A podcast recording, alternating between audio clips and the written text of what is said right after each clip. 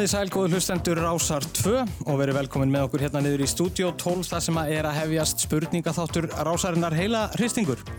Nú ver, við verðum með ykkur til klukkan 2 í dag og við ætlum að bjóða upp á alveg einstaklega skemmtilega útgáfu. Við fengið með okkur fjóra höfunda sem öll er að gefa út í jólabókaflóðinu núna um jólinn og það er sem sé svona höfundarhristingur hjá okkur í dag. Nú ég heiti Jóhann Alfreð og er stjórnandi og spurningahöfundur og með mér eins og venjulega er með spurningahöfundu minn og stigavörður hann Helgi Rapp Guðmundsson. Hvað segir þú mér í dag Helgi? Já, það er svona svolítið spenna í loftinu hérna. Já. En svona bókmyndaandi líka og auðvitað jólaandi, þannig að þetta Já. er svona svolítið spennandi. Þetta er alveg eins og það á að vera bara á aðvendunni auðvitað, það sem að einhvern veginn allt snýst um bækur og fólk er farið að velja bækurnar í jólapakkana og allt þetta þannig að við erum bara mjög ánægir með það að vera með þessa frábæri gæsti með okkur en við ætlum að minna ykkur á það að það er sálsögðu alltaf hægt að hlusta á þátt dagsins og eldri þætti í spilaranum á rúf.is og líka í hlaðvarpi á öllum helstu hlaðvarpsveitum. En uh, við ætlum bara að fara að kynna hérna liðin og kannski byrjum bara hérna mér á vinstri hönd í stúdíu 12 í dag. Þið eru bæðið að gefa út, það er annars vegar Katrín Júliusdóttir, velkomin. Takk, kærlega. Og Orri Páll Ormarsson, blessar. Sæluftum, blessar, takk. Hvað segir þið gott í dag? Bara allt mjög gott. Uh, við finnum líka þess að spennu í loftinu hérna fyrir þessar spurningakefni, mm. en hérna, jú, jú, við segir allt fint og svo náttúrulega bara spenni loftin út af þessu jólabokaflóðu. Gaman að taka þátt í þessu fyrst skipti. Já, hvernig er þetta núna? Nú eru þetta, hérna kannski ekki hefðbundnir upplestrar um borg og bí eins og velna uh, hefur þetta fæst á Teams eins og svo margt annað í þjóflæðinu? Já, ég er nefnilega rosa gaman að, að það er kallað í mann á Teams og Zoom og hann er maður ferðast um all land mm -hmm. núna úr stofinni heima Já. og mér finnst það mjög skemmtilegt en svona óneittalega því að maður er svona glæpasagna sviðinu þá fær maður svona velta fyrir sig sko framtíða bókum sem að getur komið út eftir COVID, mm -hmm. sérstaklega svona spennusagna sviðinu og maður getur svona ímynda sér að þú veist morðið á sumfundinum eða já, eitthvað slíkt geti, geti fæðst út úr þessu allir saman mm -hmm. Þú ert auðvitað að koma ný ég menna þetta er þín fyrsta uh, saga, skálsaga uh, Sigur, ekki satt? Jú, og... Sigur er fyrsta skálsaga minn og já. það er bara gaman að prófa þetta ég bý mér eitt höfundir endar Já. Þannig að ég hef nú aðeins ræðst í þessum heimi og ég líka skrifaði bókadóma fyrir stúdentablaði gamla dag og svona Þannig að ég hef nú verið svona neytandi og, og grúpja, skulle við segja, Já. hinga til. En... Og á mér upp, alls konar uppáhaldshöfunda og svona, en svo ákveði að prófa þetta. Mm -hmm. Og það bara gekk vel og, og ég bara hafa gaman að þessu. Já, þetta er nú farið líka bara vel að stað. Hérna, Mjög vel, já. Vannst verðlaun, ekki satt, fyrir sagt, bestu fyrstu sögu, hérna svartfuglin, ekki satt? Jú og hérna á síðan bara hafa dómatin verið góðir og, og almennt svona viðtökundum góðar. Já, mjög spennandi hérna, en auðvitað kannski flestir þekkja þig auðvitað úr pólitíkinni, þú varst auðvitað þar fyrirhundir á það. Hvernig nýtist sá bakgrunnur í glæpasugum? Er þetta svipuð, svipuð þemu að einhver leiti?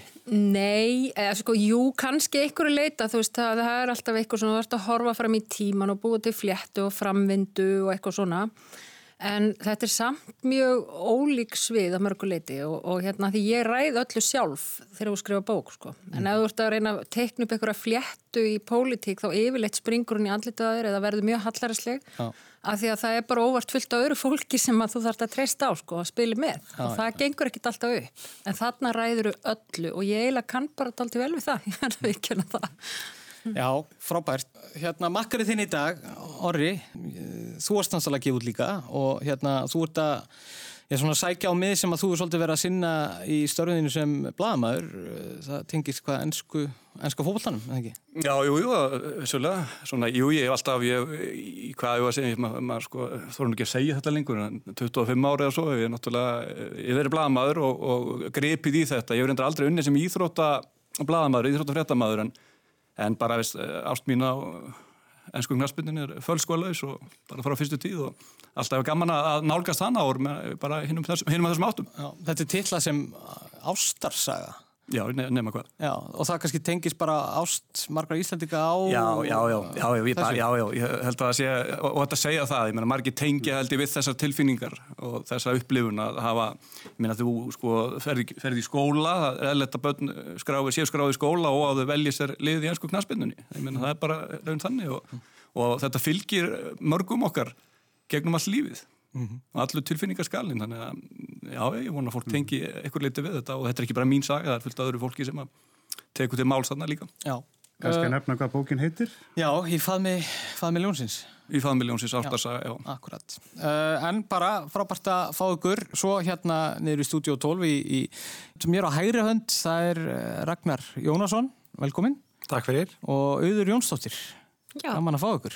sem, já, gaman að koma. Já, hvað segir þið gott í dag? Allt ljómandi. Hérna, nema ég er með svona svo, svolítið kvíða yfir að vera í spurninga þætti að er alltaf svo hrættum að verða afhjúbuð. Já, það hérna, en þú ert með góða makkar auðvitað og, og, og við, við sko ákveðum að hérna, því að þeir eru hjá sama útgefanda, Já. ekki satt? Jú. Þannig að þið eru eiginlega lið bjart hér í, hér í dag. Já, og endur er svona mjög bjart, erum við björt yfirlitum. Já. Hérna. En sko, ég ætla bara að láta Ragnar svara sem mestu að ég hef heyrt að hann sé mjög góður í spurningaþótt. Já, ert þú, minna í spurningakeppnum og leikjum svona, svona eins og um jól og annað, þetta er náttúrulega klassíst að taka eitt spurningaspil yfir jólinn eða eitthvað þannig? Já, ég sko gerir það alveg, en hérna ég er samt svona, ég gleymi hvað vini mínir heita. Ég ætla bara, ég ætla að láta Ragnar segja eitthvað og svo ætla ég bara að segja eitthvað fyndið þegar hann er búin að segja. Ég held að þetta geti verið sigur formúla, allan kem, kemur, kemur í ljós, en já, Ragnar, þú náttúrulega, þú átt eitthvað smá bakgrunn í, í þessu, þú varst náttúrulega í einhverjum spurningaliðum svona þínum yngri árum og eitthvað svo leiðis. Já, ég var í getur betur og hérna tapaði þar numlega í úslitakeppni Akkurat. og loka spurningu. Það situr ennþá í mér. Svo, hérna, svo tók ég svona að mér að þjálfa Vestló. Ég var í Vestlósver Já, já, og þá unnu við loksins. Þannig að þetta er svona, já, já, en það er svolítið síðan. Já. Þannig að ég er ekki í æfingu. nei, einmitt. Þannig að ég held þetta plan hjá auði Já, sé ekki endilega gott. nei. En, En við erum alveg búin að þjálfa okkur stíft, Ragnar, við byrjum fyrir þremi vikum og þetta En það, þú hafði náttúrulega getað verið með annan makkar auður því að þú ert náttúrulega út bók með eh, hérna, Byrnu Önnu, eh, 107 Reykjavík. Já, þannig að hún er svona með mér í anda. Þannig að ef ég segja eitthvað sem er út úr karakter þá er það Byrna að Já, tala. já, já, hún kemur í gegnum þig einhvern veginn í, í dag. Já, við erum með eina vitund. Já, hvernig er að gefa út bók svona því að þú nú skrifa næstum við því alla þína bækur bara einn. Hvernig er að vera með svona makkar? Það er rosalega gott, það er svo mikil nánd í því, svona á, á frekar nándarlausu ári. Það, hérna, það, er, nei, það er það í alvöru, sko. Hérna, það er rosalega gaman að skrifa saman. Og við hérna skrifum í svona tölvuskjali, það sem við vorum bara eins og eitt höfuð, að, að við byggum til þriðja rithöfundin. Já, Þannig að það er eiginlega sá rithöfundur sem skrifaði þessa bók. já, akkurat. Það voru nú einhverja sögur líka með hérna, af því Ragnar að þú væri mögulega að fara að skrifa með makkar. Já, Er það er eitthvað meira að gerast í því? Eða? Nei, það er nú rólegt hérna, já, það lag óvart út þannig sjónvarsætti um daginn að hérna við ætliðum að skrifa bók saman ég og, og Katrín Jakobsdóttir önnur Katrín úr pólitíkinni Já. og hérna, já, það er aðeins, aðeins farið af stað og, en ef ekki að taka, gefa okkur nokkur ár í að klára það, hún er svo upptekinn sko. Hún er reynda glúrun, sko, hún var yfirlesari á bókunum mínum í gamla daga. Já, Og hún er mjög snjall yfirlesari. Já, ég hef mikla trú á, á, á, á henni í þessu sko. Og þetta sérfræðingur í glæpa úr fræðaheiminum. Já, bara fremsti á Íslandi held ég. Mm. mentuði í glæpasögum það er, það er erfitt að gera betur en það. En nú veit ég að nýja bókin þín, hérna, uh, Vetramein, er að koma út víða, auðvitað, og hann hefur verið vel tekið og hefur verið að komast á lista, auðvitað, bara ellendis og hvernig er svona í COVID að hérna vita af, af bókinniðinni að ganga þetta vel á ellendum mörkuðum en það er kannski ekki þetta að fylgja því eftir svona með beinum hætti eða eitthvað? Já, það er svolítið undarlegt og, og þetta synda að fá ekki að að ferðast og, og hitta lesendur sem að ég hef gert í síðustu ár og er rosalega gaman.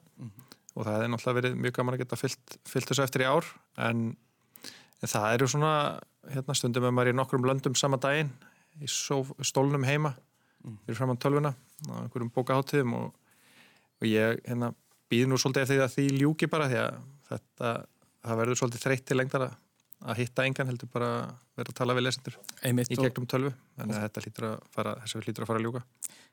Ég held okkur sé ekkert að vambúnaði, við ætlum bara að fara að byrja leikin og við erum nú alltaf byrjað á svo kallari lagaþrennu, uh, við ætlum bara að halda okkur við það, við verðum með tvær lagaþrennur hérna, uh, sikkvar lagaþrenna fyrir sikkvort liðið og við ætlum að byrja á ykkur, uh, Katrín og, og, og Orri, við erum með, sem sé í dag, erum við náttúrulega komin í smá jólaskap. Og það er nú þannig að fjölmörg íslenski jólalög, þessi þekktu klassíku lög, þau eiga sér náttúrulega upprunlega útgáfu ellendis frá, þar að segja að þetta er ekki íslensk lög. Og að þessu sinni þá ætlum við bara að heyra sagt, þrjú lög með öll í flutningi erlendra flytjanda sem eru upprunlegar útgáfur þekktra íslenskra jólalaga. Og við viljum bara fá að vita hverjir fluttu, hver eða hverjir fluttu síðan lagið á íslensku og hvað nefnist á íslensku. Og það eru þrjústi í bóði en uh, við skulum bara setja þetta stað, þetta er fyrri uh, jólalaga þennan, gjör svo vel. There's a blanket of snow and a bright little star in the sky. And your heart knows that Santa's around by the twinkle in everyone's eye. There's har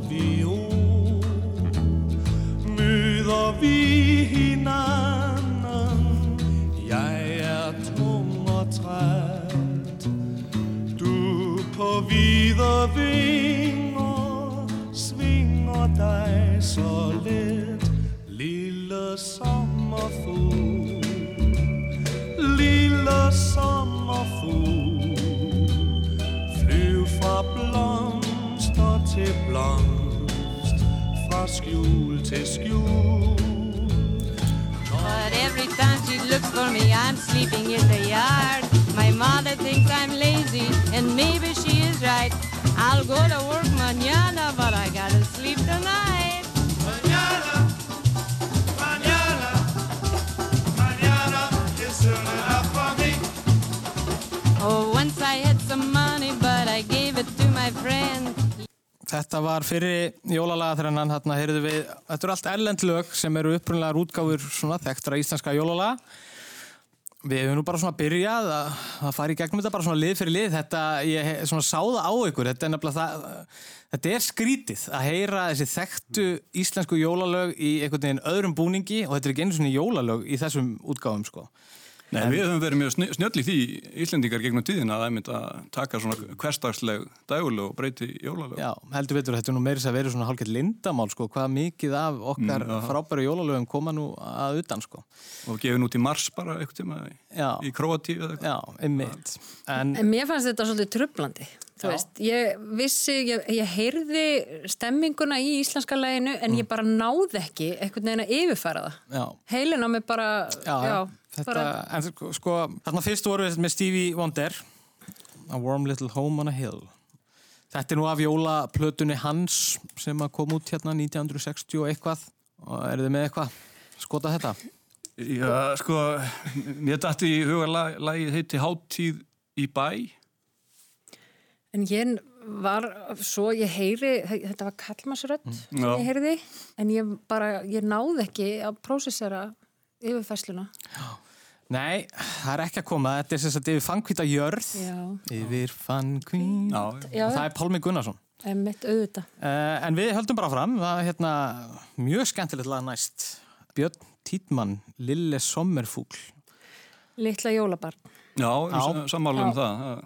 Og í flutningi hvers er það aftur?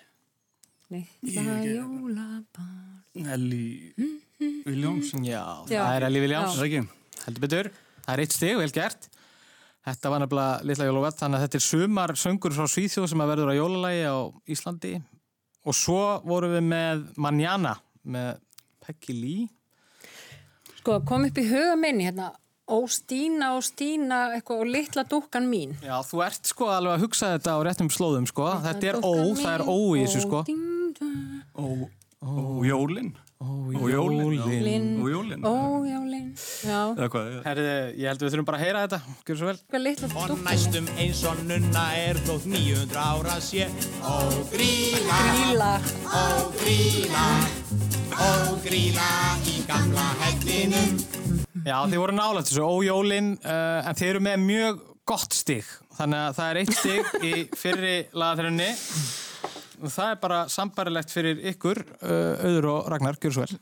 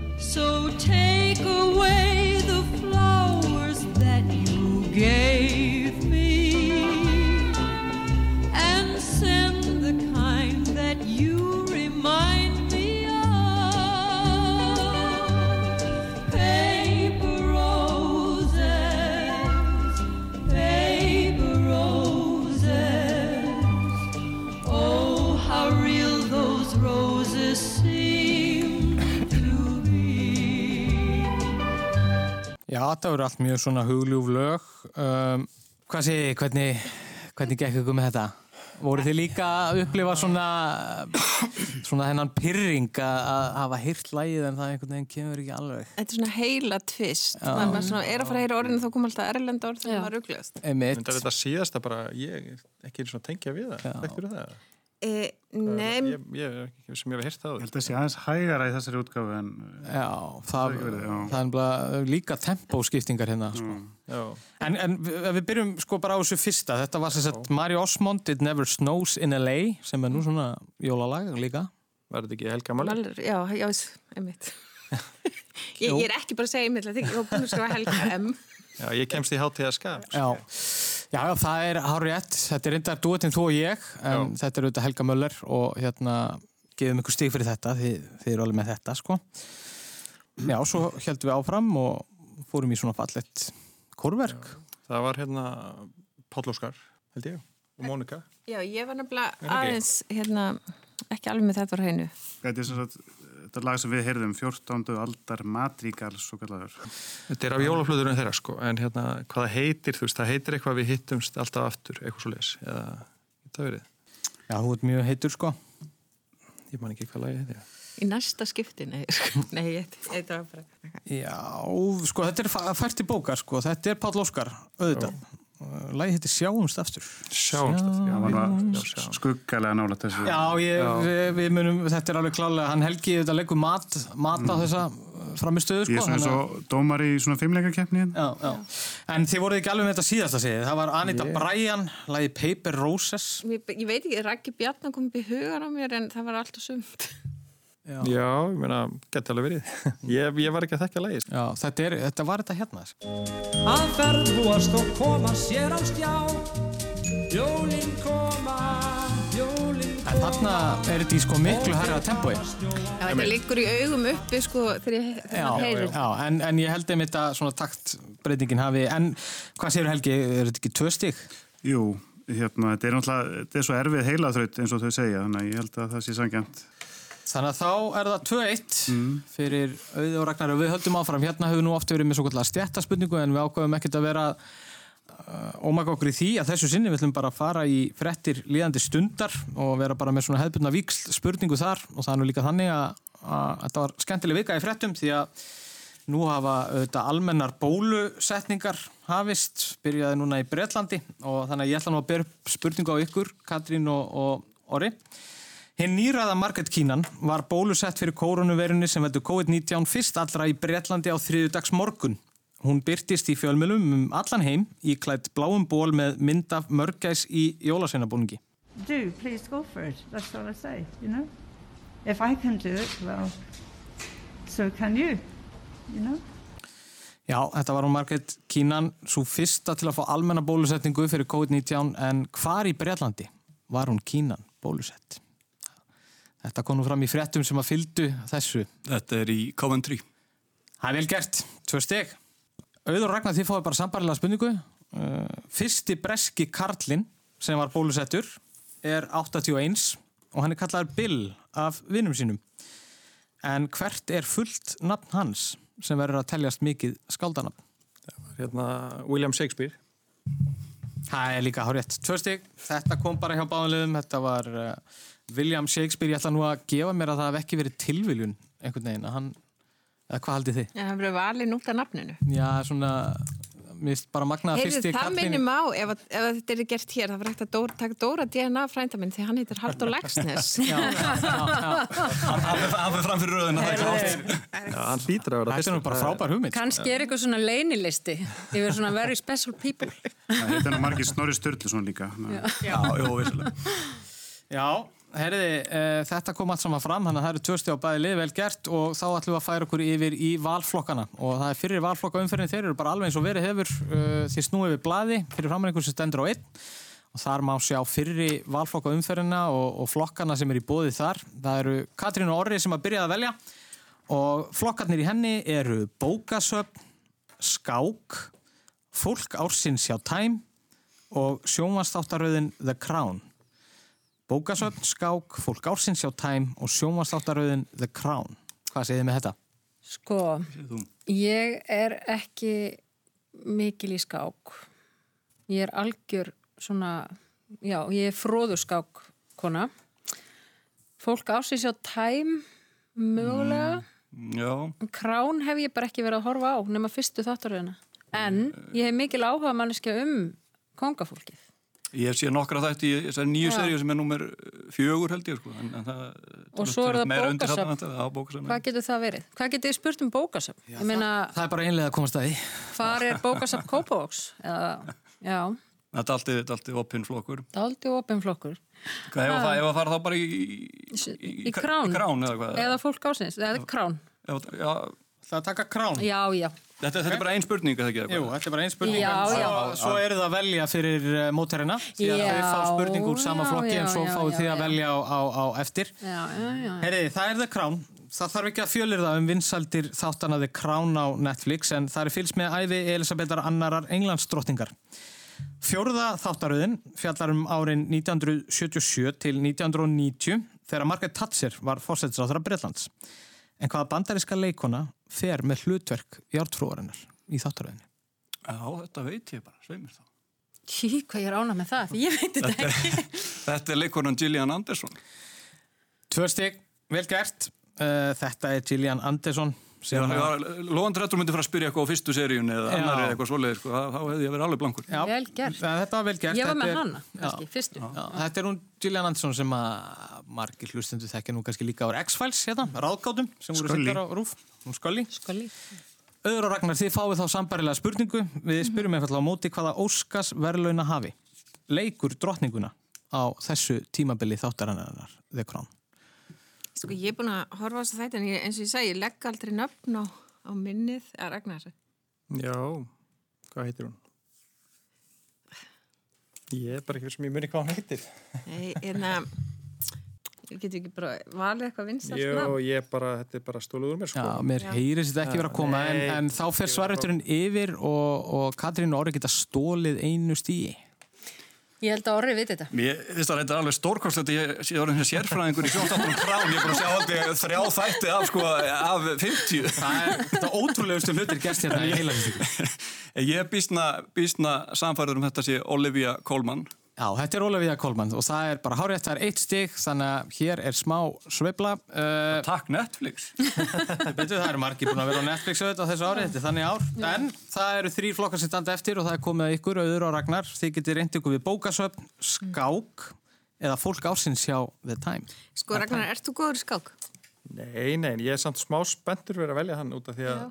þeim leist svo illa á hann. Sko. Já, er ekki ágætt að stunda áhættur lifnað? Jú, ég ekki bara að taka það. Við tökum skák bara svona upp á upp á bara von og óvan. keppniskapið. Strategískur hérna, spennu sagna höfundurinn. það er, fle það er fletta. Herri, mér líst vel á það. Uh, spurningin er svona, Jóhann Hjartarsson er ásand Friðriki Ólafsinni sigursælasti skákmaður Íslands.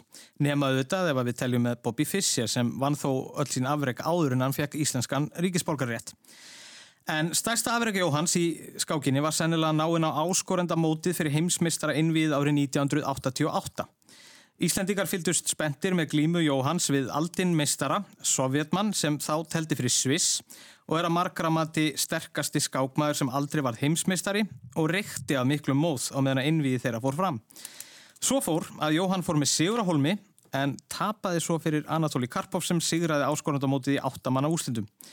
En hvern sigraði Jóhann svo eftirminnilega í fyrstu umferðinni? Það var kortsnói, ekki? Einmitt það sem ég var að Það var Kortnói Já, jú. það er ekki hægt að gleyma því. Það var Kortnói Munið eftir þessu Þetta er nú Ég man hérna- eftir þessu, já. Já, ég man þetta líka, það var að púa framann í hann, þetta maður Já, já. orkendi um ekki að Jóhann hérna á pallinum. Það var líklega síðast sinn sem maður hefur hort svona á skák live, þetta hefur ekkert verið mikið nei, nákvæmlega, Það er þetta frá tímanu þegar menn voru með sko skákborðið upp á vegg og voru svona að færa til eða? Já, þegar Hemmi Gunn var með, með skákskýringar og beinar útsendingar og það var bara mikil stemning sko. En það er nú þannig að uh, þið fá sambarlega spurningu. Nú er spurning hvort að fléttanas Ragnars uh, gangi upp. Árið 1988 var ungur akureyringur Tómas Hermansson á ferðalagi í Reykjavík að keppa á sínu fyrsta alþjóðlega skákmóti. Og við skulum heyra brot úr síðteis útarpinu í vikunni. En hún- hendi sín og ég, svo var ég eini íslendingurinn sem hef unnið hana og, og, og verð bara frægur í skákheiminum fyrir það. En hérna, já, já, hún, hún vann einhverja stórmestara og skömmu setna var hún orðin bara besta skákona allra tíma og, og, og var ein af tíu bestu skákmönnum í heimi. Hún var, hún var svona ofur stórmestari. Já, hann, Tómas, hann kom til Reykjavíkur sem ungur piltur, gerði ekkert nema að tepla þessar tvær vikur árið 1988, eins og þetta kom fram. En hann gerði sér lítið fyrir sér satt og sigraði unga stúlku sem var á keppnisferðalagi um heiminn með fjölskyldu sinni. Þessi kona var síðar stiga hæsti og að flestum talinn sterkasta skákona allra tíma. Hún er ungversk og hefur oft komið hinga til lands að tepla. En hvað heitir hún? Þetta er náttúrulega svakalig spurning því að Tómas Hermansson er útgefandi minn. Já. Og hann innsigla bara allt upplæður og við klikkað á þessu. Það eru skemmtilega línur í þessu. Þannig ég, hérna, en ég ætla að, uh, vilt þú kannski? Nei, sko, þú ert svo kurtis, ég veit Já, já. ekkert. Ég, Ég bara... bara... fjölskyldan eh, Polgar, Judith Polgar. Já, já, það er hórið þetta var að sjálfsögðu Judith Polgar sem að hérna laut í Nú gras. segi ég bara minn maður orri. Ha. Já. Já, þetta er svona... Já, herriði, bæði liðin voru með skákspurningarnar alveg á hreinu og Helgi, hvað segir hvernig, hvernig er þá stíin eftir fyrri valflokkana? Það rignir inn stígunum en e, nú er það þannig að Orri og Katrín leiða með 8 stígum gegn 6. Já, það er 8-6 og það komið að setni valflokkunum. Nú þeir eru með blað fyrir framleikur sem stendur á tveir, ég ætla að byggja um að snúa því við og nú eru það Auður og Ragnar sem að fá að ríða á væðið og velja fyrst. Nú flokkarnir sem eru í bóði hér eru sundlaugar, upphafslínur þekktra skáldsagna, hliðarverkefni þekktra íslenska tónlistamanna og nýjirði. Sundlaugar, upphafslínur þekktra skáldsagna. Mér langar svolítið þessar uppáslínur, það eru vantilega eftir afæðin. Já. Já, mér líst vel á upphafslínurnar. Nú þetta er bara einfalt, við ætlum að heyra upphafslínur í þekktum skáldverkum og þið fá einn eitt skáldverk, auður og ragnar og við viljum bara vita hvert skáldverkið er. Og skulum heyra brotið, gjör svo vel. Gustaf Aschenbach eða von Aschenbach eins og nafn hans ljóðaði ofinberlega allt frá því á 50 samælinu hafði farið einn sínslið sí alllanga gönguferð heimann frá sér úr prins Reykjandstræti í München senkt á vordegi árið 1901 eitthvað. En það ár voru ófríðarblikur á lofti mánuðum saman og uggvænlegar horfur í álfunni. Er, megur aðfæra okkur? Já, endilega bara. Sko, döðin í fennu eins og kemur upp í hausinn Ok, og steinsteipa um leið. ok. Ég þekki þetta ekki sko, eina sem mitt að því var bara góðið dátinn svæk sko. Það var svona einhver stríðstemming í þessu. Þetta var sem sagt, brot úr lestri hérna af út á sögunni. Þetta var hann Kristján Franklín Magnús sem að las þetta svona vel. Já, Róbert Arnason las góða dátan svæk Ok. og hérna ég Já, ég, ég, ég Dauði- þekki þetta ekki, já, ef ekki bara taka döðin í fennu. Tvö stig. Yes! Hvað ég er að púla þennan spurningar. Það var vel gert. Eftir Tómas. Mann. Eftir Tómas Mann. Og uh, þið fáið þá bara sambarilega spurningu og hérna koma uppáslínunar ykkar, gjör svo vel. Á meðan Aureliano Buendia liðhjálfi stóð anspænis aftökusveitinni átt hann eftir að minnast lönguliðna kvöldsins þegar fadir hans leitt hann sér við hönd og sínd honum ísinn.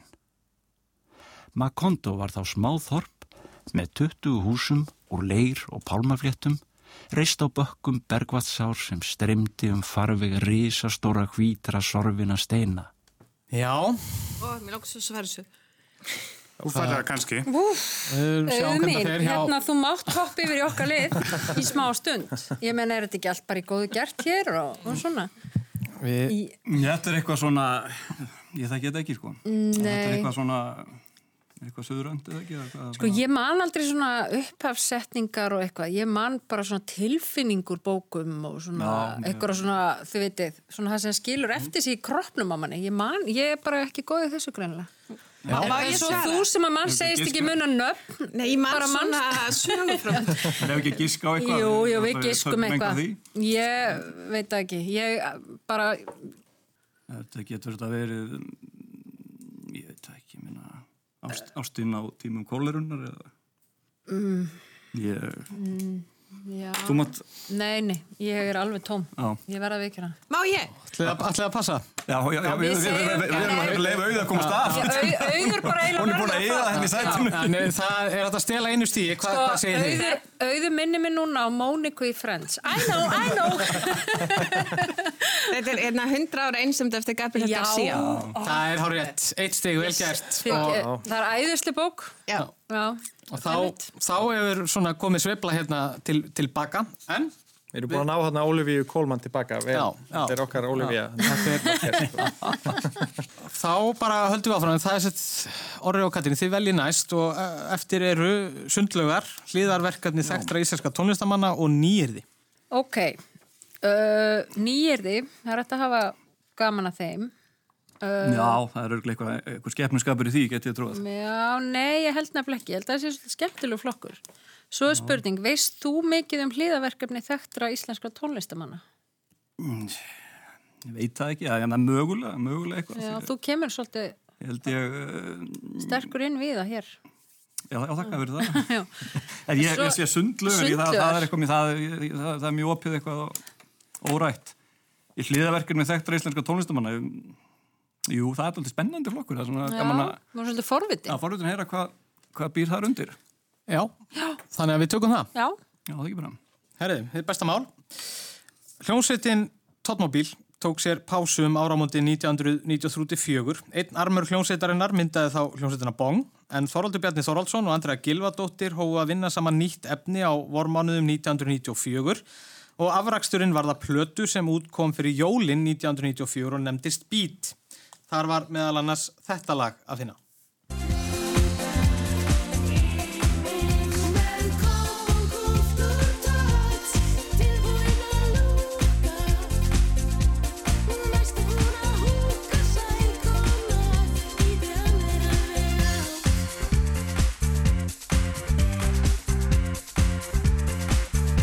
Já, þetta varð eina breyðskífa hliðaverkefni sinns, en hvað nefndist þessi hljómsveit? Ég held að þú var að fara að spyrja um eitthvað allt annað, sko, við hvað ykkur hefði starfað, sundluða vörður eitthvað það var svona, komaði svolítið flatt upp á okkur. Já, Uh, já. ég á að vita þetta sko. Ég var algjör tóttmóbíl áhangandi á sínu tíma og mann eftir bara var í vestmanni um að, á þjóðháttíð og ég bara mani þetta ekki. Býtu, hvað kölluðu þessi? Mm. Já, þetta er gott útasefni að hlusta okkur hugsa. Það, mér, mér finnst það sko. Ég, ég, er, ég er ekki eins og að hugsa, sko. Nei, ég er að reyna það. Ég, ég er að fletta aftur til 1990, og já. 94, þetta er nú svona á... Ég var tvítug Já, þarna, þetta ég, svona meina, ég var í blóma, þannig að maður ætti nú að... Tvíti. Ég sé á auða, hún manni þetta. Nei, sko, ég var með svo mikið aðtilspresti, ég heyrði ekki spurningu. Héttu hétu Sko- tvíti? Nei, nei, hvað, hvað var tvíti? Það- Var eitthvað allt annað? Þetta er komið það er. Er það ekki? Þetta er bara tvö stig, hárið, þetta var tvíti. Gert. Þetta var Hún sagði tvíti. Hún sagði tvítug. Já. Hugsa, tvítug, tvítug. Hugsið ykkur. Það eru ótrúlegar... Sko, Við þurfum að tala meira. Li- listin að kunna grafa. Tala sig að niðurstöðu. Þetta er það sem að maður gerði í Gerir þetta, þetta var mjög skemmtilegt. Katri sagði, ég var tvítu á þessum tíma og þá kom svarið. Það var bara, þetta er bara svona með í magnara sem að ég hef hert í þessu þætti, sko. Herri, eh, þið fá sambarlega spurningu auður og Ragnar um áramótin 1992-3 var komin þreita í samstarf sálarinnar hans Jónsmíns sem endaði með því að hljómsveitin tók sér pásu. Stefán Hilmarsson og Friðrik Sturluson, bassalegari sálarinnar, stopnuðu þá nýtt band sem naut nokkur að vinsalda og kom út platan Space þá um sumarið. Þar var meðal annars að finna þetta lag hér. Á þéttum snúningi Ég styrst og gleymi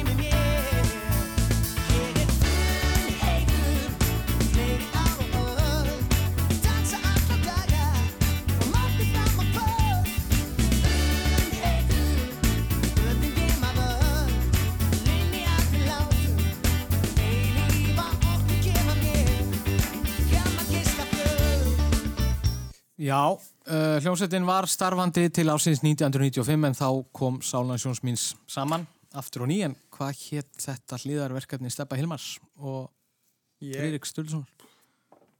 Einhvern veginn held ég þetta að heita plán neturnar, finnst þér það kunnulegt? Þetta var einmitt það sem ég var. Nefn að það hefur verið einhver plata en Nei, ég nei, er ekki með neitt betra. ég held þetta sé okkar örugasta bara Já. gisk. Já, ég ætla að gefa ykkur rétt fyrir þetta, þetta var Plánetan og. Plánetunar, Plánetan ég, við, við látum það slæta það er ekki spurning, það eru tvö stig þannig að þetta og hérna þetta bara að koma allt Þetta er æsi spennandi. Staðan er núna 10-11 en núna leiða auður og ragnar. Já, mér finnst við samt öll til fyrirmyndar í þessum þætti. Mm, já. Allir En nú, e, e, nú fer að koma því að maður fer kannski aðeins að sitja út á stegagjöfuna eða hvað? Sita, gera aðtóðsemdur og svona. Já, endilega bara. er Eða reyna að fiska. Mm. Eh, Svona hálfan og eitthvað. En við ætlum að fara að færa okkur yfir í auglýsingar en áður en að við gerum það þá ætla ég að fá að bera upp á ykkur stutt heilabrót sem þið með hugsa á meðan auglýsingarnir eru í gangi. Nú, við erum bara að leita að nafni að þessu sinni og ég ætla að gefa ykkur fjórar vísbendingar. Bjór, sem var upprunlega jólabjór. Persona úr sporvagninum Gyrnd. Rótgróin tískuveslun í Reykjavík og fatahönnur sem er dóttir þekkts manns. Þannig að við ætlum að hugsa þetta og meðnum förum í auglýsingar og við sjáumst aftur eftir stuttastund.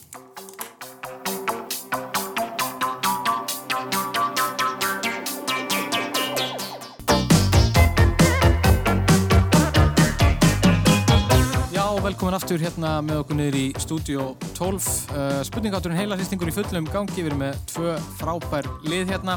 Það er höfundarhristingur hjá okkur í dag. Á mína vinstru hönd Katrín Júliusdóttir og Orri Páll Ormarsson uh, rituhundar og hægru hönd uh, eru hérna Auður Jónsdóttir og Ragnar Jónasson og það er æsi spennandi keppni í gangi. Ánum fórum í ölsingar þá bárum við upp uh, heilabrott og við vildum fá að vita, það var, vorum að spyrja um nafn sem að tengdist þessu fernu. Það var náttúrulega bjór sem var upprunnulega jólabjór, persóna í sporvagninum Gyrnd, rótgróin tískuveslun í Reykjavík og fatahönnuðu sem er dóttir fræks manns og við vorum að sjálfsögðu að leita eftir nafninu Stella. Það var Stella og bæði liðin voru bara sjálfsögðu með þetta. Þannig að það eru bara tvö stig á, á bæði lið, vel gert. Við vorum auðvitað þarna að tala um Stella og Artois sem var uppalega bruggaður sem uh, jólabjór, svo var það hún Stella í spórvagnum Gind, uh, tískuverslunin Stella í bankastræti og svo er það Stella McCartney sem er dóttir Paul McCartney. Þannig að hérna, þetta bara kom hjá báðum liðum og já, Helgi, keppnin er æsi spennandi. Já, núna er staðan 13-12 fyrir auði og ragnari. Það er 13.12 og þá ætlum við að færa okkur yfir í nýjan valflokk. Við ætlum að vera með nýjan valflokk að þessu sinni. Við höfum stundu farið í kistu rúf og leitað spurningunni að þessu sinni að því að það er komin svo mikil aðvendu gleði í okkur að þá ætlum við að vera bara með nýjan valflokk sem að eh, og öll þemun þar eru jólatengt og ég ætla að byggja ykkur um að snúa við blæðinu stendur á þrýr og þar fáið það að sjá jólavalflokkana. Eh, Þeir eru síkildar jólamyndir, jólaguðspjallið, jólaleg lög sem er ekki jólalög og jólabaksturinn. Já, það eru Orri og Katrín sem að fá að byrja. Mm, hvernig líst ykkur á þetta? Mér líst ekki sérstaklega vel á þetta en jú, samt, ég er forvitin ég er ekki flink í jólagauðspillinu Nei. ég er bara við uh, nei, maður má ekki gera Gott, það er gott að vita þetta. Já, en hérna en sko síkildar jólamyndir jólabaksturinn en svo er líka svolítið skemmtilegna jólaleg lög sem er ekki jólaleg Já, það er svolítið áhugavert Já, það er svona svo- mest spennandi flokkur, Já. ekki svona forvitnilegasti. Takk. sko velja það sem okkur finnst áhugavert eða svo skemmtilegt Já, er það ekki gott, er það Já. ekki bara besta útvarpið? Jú, af því það er líka svolítið vandrald að segja ég er rosa góð í þessu og svo Já, rennur á já, rassin einmitt. Ok, jólalögin sem er ekki jólalög Jólalögin sem er ekki jólalögin, já, í gegnum tíðina þá hafa komið út lög sem er ekki jólalög. Þau kom ekki út á jólaplötum En einhvern veginn út af textanum, stemningun í þeim eða öðrum ástæðum þá eiga þau bara svo vel við á aðvendunni. Og hérna ætlum við að heyra smá brott.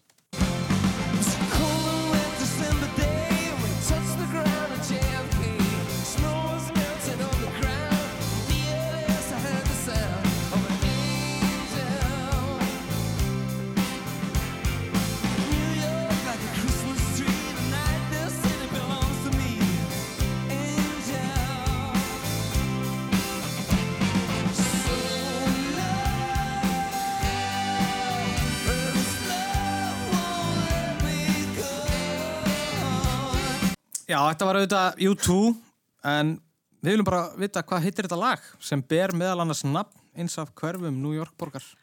Angel of Harlem. Það er bara hárið að stig. Þú ert U2 kona. Katrín. Já, þú Já. farin að dilla þér hérna í Já, stúdíónu. ég var bara að byrja að dansa. En tekur við þetta? Finnst þetta ekki vera jólulegt? Talar um jólaljósin í New York og talar um snjóinn og storminn á flugvellinum og eitthvað svona. Jú, en samt hef ég aldrei tengt þetta beint við jólin, en ég veit hvað þú ert að fara. Ok. Já. Þannig að þetta er allavega samþýtt. Þetta er allavega ekki á jóla spilunarlistanum mínum, sko, en, en mögulega eftir þetta þá hendi ég honum þar inn. Já, en þetta kom, vel gert tvö stig og, og hérna, þá var það auður og Ragnar. Þið fáið bara uh, sambarilega spurningu og við ætlum aftur að heyra brott. Gjör svo vel.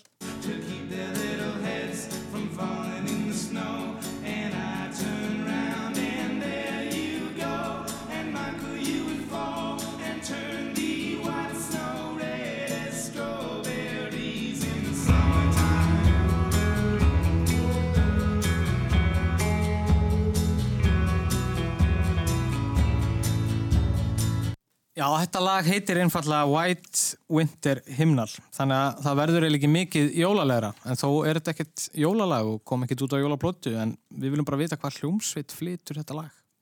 Jæja, Ragnar. Já, ég er nú bara ekki alveg Ég fór bara eitthvað að hlusta um, hlusta um Bee Gees að þetta var svo, ég var að tvíra þetta, en ég veit ekki, sko, það segir eitthvað Michael, hann er kannski er þetta bræður Michael Jackson eftir að hann hætti Já, ég hef bara ekki, glóru. ekki klóru eiginlega. En þetta er ekki að koma. Býtu, við skulum bara giska á eitthvað, en hvað er þetta eftir bandið sem Robbie Williams? Já, take that. Já. Já, já. Nei, þetta er ekki take that. En þetta fyrir yfir, það er eitt stíð í bóði. Er þið með þetta? Getur við heyrt þetta einu sinni? Ég, Eh, ég, nei, ég, ég veit það ekki. Ég ætla, sko, ég ætla ekki að segja ykkur einhvern hvað mér datt í hug en, en að því ég, ég, ég er búin að þurka þóta því að þetta verið nýra heldur en, heldur en Jackson bræður. Sko- en ég er ekki úi, ekki eitthvað. Jú, jú, en mér fannst fílingurinn í þessu vera svolítið hérna of Monsters and Men. Já. Það var svolítið Já. þannig svona væp. Þetta er úr þessari sko svona fólk, uh, svona ný, já, þessu nýja fólk genra sko. Já, já. Vil ég ekki giska bara á tweeti eftir? Ég held að þetta sé ekki að koma. Angurvært pop eitthvað, er það er ekki ég það ekki. með þessu. Nei, þetta er ekki að koma. Uh, Krútpop. Já. Já. Þetta var Fleet Foxes. Fleet Foxes. Já, já. Það var styggsmunur og þunga spurninga hérna. Það, en svo veit maður aldrei sko, maður veit aldrei, ég var sko, Angel of Harlem er svona tiltulega, nú ekki með þekktari lögum YouTube sko, uh, en það er bara komið að ykkur að velja úr jólaflokknum og eftir stendur jólabakstur, jólaguðspjallið og Síkilda jóla. síkildar jóla. Mér langar svolítið í það sko. Já, ef það Er það ekki dömpum okkur. Já, já, það. förum bara í það. Allavega ekki hitt tvent Ég er held ekki að við hefum eftir að brillar. Þetta er svona útlokun aðferðin kannski. Já, síkildar jólamyndir, mér líst bara vel á það og við ætlum að heyra örstuðt brot.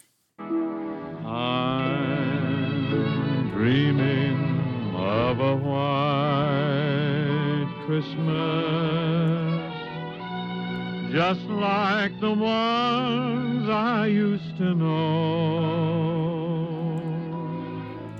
Já, þetta var upphafið á læginu White Christmas sem var upphaflega flutt af söngarnum Bing Crosby. Sagan segir að höfundu þess, Irving Berlin, hafi sagt þegar hún flög lægið í hug ég var að semja besta lag sem ég hef samið. Nei, annars, ég var að semja besta lag sem nokkur hefur samið. Og þetta má kannski til sannsvega að færa að einhverju leiti því lægið er söluhæsta smáskifa allra tíma með um 100 miljón eintök selt. En í hvaða kvikmynd sem útkom árið 1942 og Crosby leik aðalhutverkið í var lægið samið fyrir.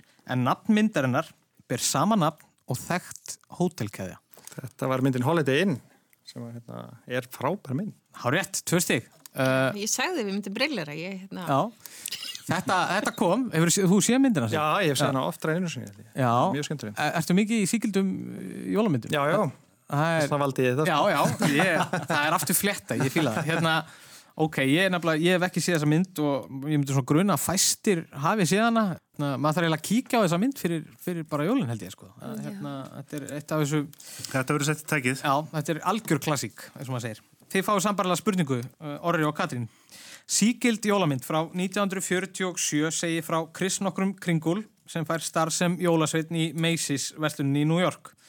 Þar kynnist hann ungri stúlku, Susan, sem tekur eftir ymsu kingi mögnuð í fari hans og í framaldi trúur hann henni fyrir því að hann sé hinn eini sanni jólasveitn.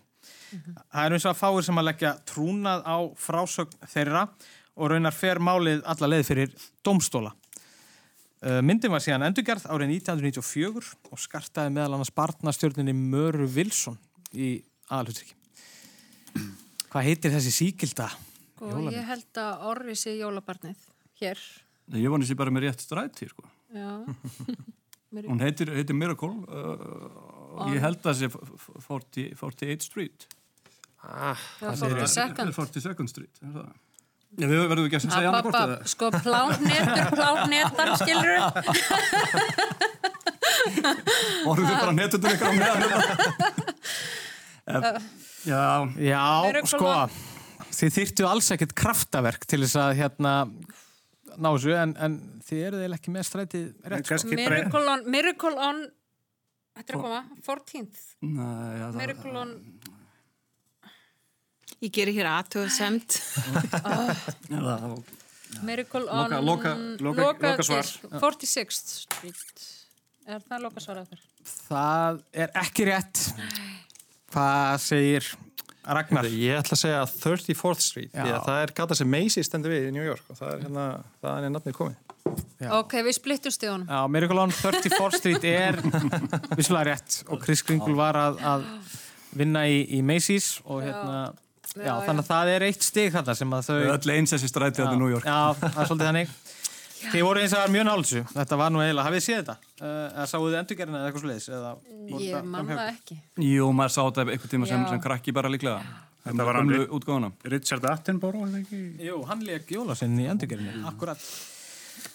Þá er jólafloknum uh, lokið og hérna, við höfum bara eftir að fara í hristingin en áður við gerum það, Helgi, hva, hvernig er staðan? Þetta er æsileg keppni, sko. Já, núna eru Orri og Katrín með 14 stig en Ragnar og Auður með 16. Yes! En það er nóg eftir í pottunum, eins og vennilega. Eh, Það er komið að loka umferðinni hjá okkur í dag og það er hristingurinn. Nú hann er byggður upp eins og valflokkanir. Það er að segja, ég ætla að byggja ykkur um að snúa í blaðinu sem mert er fjórir. Og þar sjáu þið spurningaflokkana í hristingnum.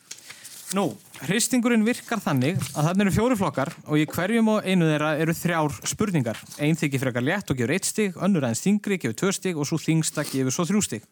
Við förum þrjár umferðir og þið veljið einfallega spurningu úr flokkunum fjórum, eitt þema fyrir annarkort eitt, tvö eða þrjú stig.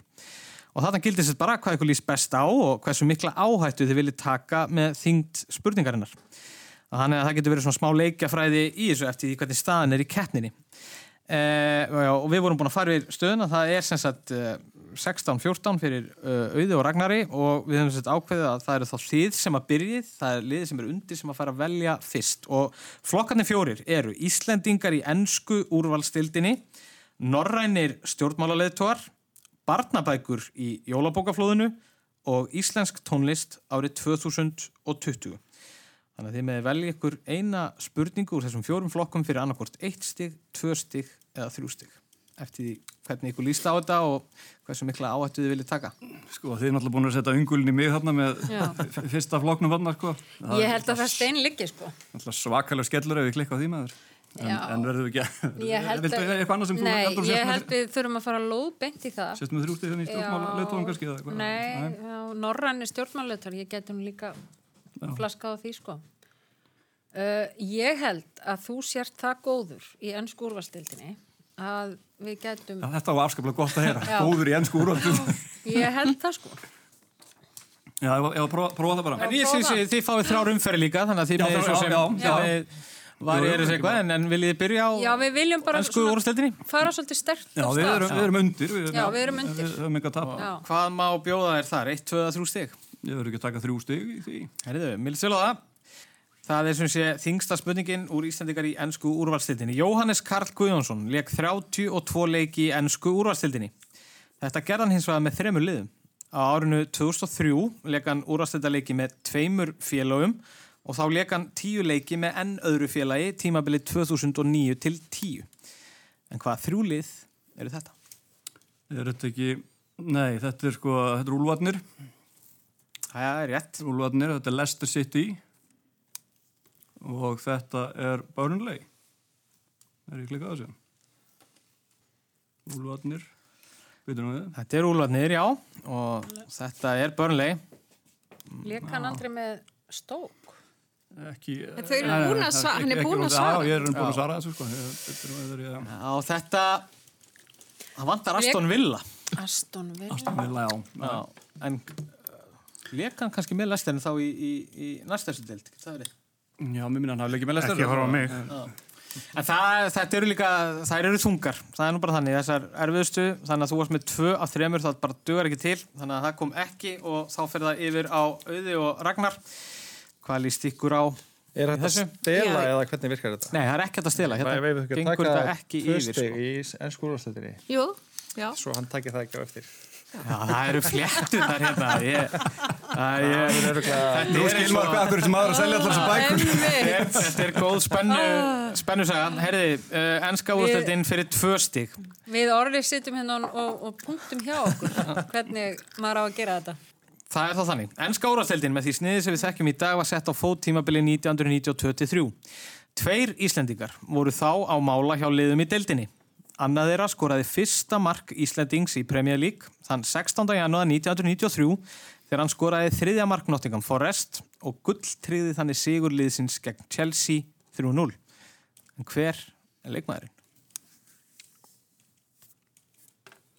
Hvernig var þetta, segir þú? 90, nei. Þetta er ní- 16. janúar 1993 skorar Íslandingur fyrsta markið í Premier League og það var þegar hann skoraði þriðja mark Nottingham Forest. Fyrsta mark Íslandings. Já, fyrsta mark Íslandings. Já. Og Sko, ég veit- gulltriði þannig gegn Chelsea. Arnór? Nei. Nei, hann var ekki í ennsku, sko.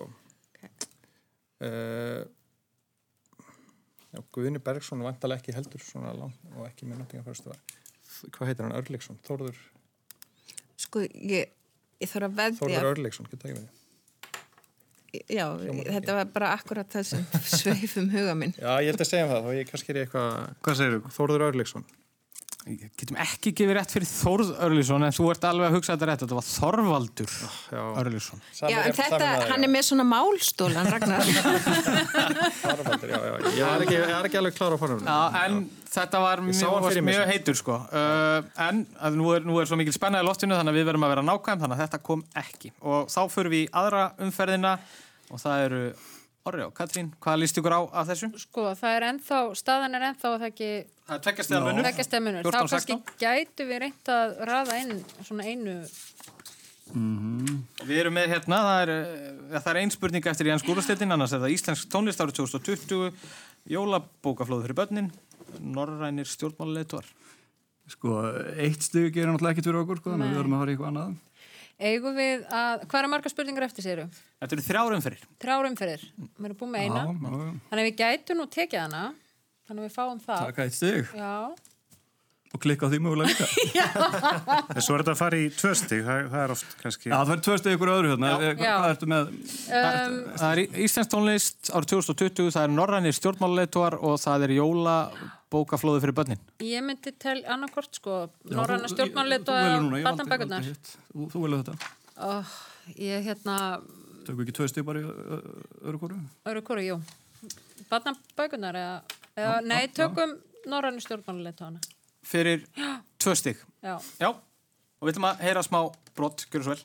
Now, in this crisis, this situation, our party has elected me to take uh, the place of the Prime Minister. I don't feel like a role model. I think I might be uh, for some people, but I think the issues matter, not the people uh, behind the issues, the issues we are all working on. So I think everyone matters. Og spurningin er bara einföld, einföld. Í hvaða norræna stjórnmálalið tóa heyrðu við þarna? Sess að hún er leiðtói í sínu landi. Er þetta ekki hérna, er þetta ekki hún hérna Sanna í Finnlandi? Það er þetta hérna Þetta er ekki sérstaklega svona Finnskur. finnskur Nei, frambörður hérna einhvern veginn. en þau eru nú svolítið sænsku mælandi Já, líka já, þar, vissulega, skilurðu. vissulega. Þannig að hvað er komið til greina? Það er svo danska, hún er, hún er svona í yngri kantinum kona Já, já. og þú ert með sönnu Já, og þetta er ekki during the crisis, það veist, eitthvað. já, já, já, þetta er, já, einmitt, þetta er, Já. já, það, það, það, það er hún þá vantarlega ekki. Ég er að reyna að lesa í svipin hérna á stigaverðum. Það er svolítið tekið sko að hefur, hefur ekkert endilega... Ekki gefist er alveg upp og niður. sko. Nei. En, Algjör, algjör pókerfér. Er þetta ekki Sanna, fórsætsverðara Finnlands? Já, en ertu með ég, fullt nafn? Já, hérna, sanna... Sanna hérna... Nei, hún er ekki Lind. Er það? Nei. Ég man það ekki. Come on.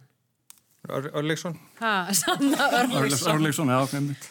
Sanna er. Lind? Nei, ég held ekki. Og, Þú veist.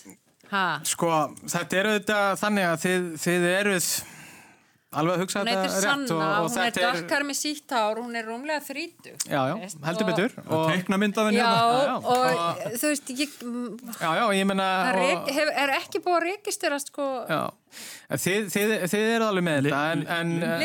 Linn. Linn, Sara Linn. Sanna...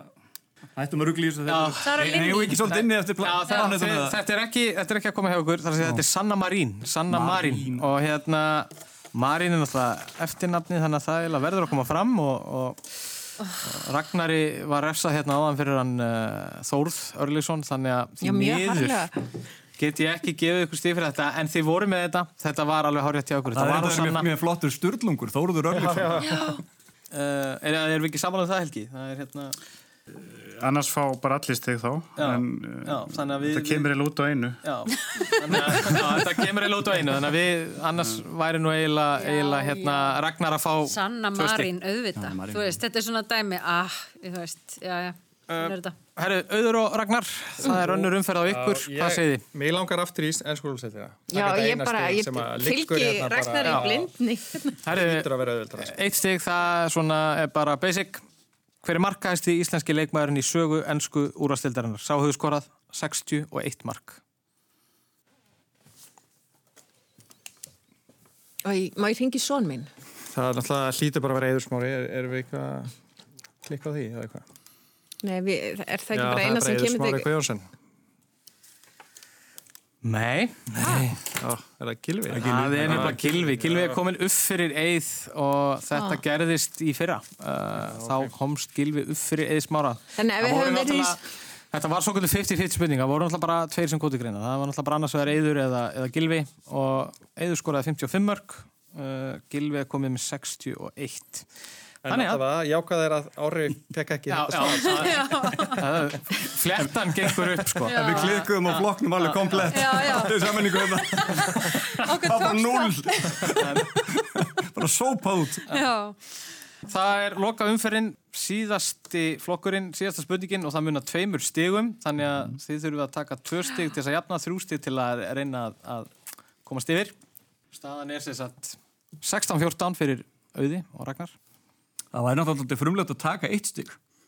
Og það skilur okkur þetta einhverjum. Skiptir engu. Nei, nei, við verðum að taka, verðum ekki að taka, Taka- við verðum að, verðum að taka þrjú stig. Er það ekki bara, bara vaði ég ykkur þrjú stig? Þú veist, ég, Ertu, ég, Hefur fylgist, fylgist með barnabóka útgáðun eitthvað? eða? eitthvað voða lítið en samt aðeins, þú veist, en Já, þrjú, þrjú eða er- tónlist, er- þú eitthvað inn í henni núna? Takk í nú sénsinn, svo að... Nei, Lifið djart. Já, segi þið, þarna, yfir... Frábært að vera hérna með orðið sko. Sko, þú, hent þú í eitthvað? Íslensk tónlist 2020, ég, Ég veit ekkert um. ég, mitt tónlistasvið er mjög þröngt sko. Já, mitt líka nefnilega. Ég er svolítið En- mikið bara í svona 20 ára gamlu. Já, já, já. Nei, þú mátt, veldu, veldu út. Ok. Þetta er, já, það er tónlistinn, það er barnabækurnar og það eru norrænir stjórnmáluleitóðnir. Ég segi bara teflundjart Já, já, já. og bara tökum hérna þrjú stig í norrænu stjórnmálulega tónum. Veistu, er bara, ég er að reyna að hvað við þeir með tvö, heita. voru við með tvö stygg þar á Vorum hann, með tvö stig þar á Og klikkuðum á því. Já, þá getum við klikkað á þrjum stigum. Það er hansi líklegt, já. Ó, þetta er svolítið vandræðilegt fyrir mig. En þú veist, maður hættir í pólitík og bara hættir maður að fylgjast með, sko. En núna ertu rithöndur, þannig Já, nú er ég reyndhundur og veit ekkert um þessi norrænu stjórnmáluleitóða. En ef að taka sér bara íslenski tónlist, þá, eða hvað? Þrjú stig. Þrjú stig, já, ég meina, við erum að taka þrjú stig, eða ekki? Jú, Falla með sæmt. Íslensk tónlist árið 2020, ertu viss? Ég, ég, held, ég treysti mig frekar það heldur um barna bækunar, Ok. sko, en, en, en, en ég er ekki að segja að þetta sé líklegt, sko. Tökum það. Hæri, tökum það. Tökum það. Ein af stjórnum ársins í íslensku tónlistarlífi er á nefa tónlistarkonan Bríett.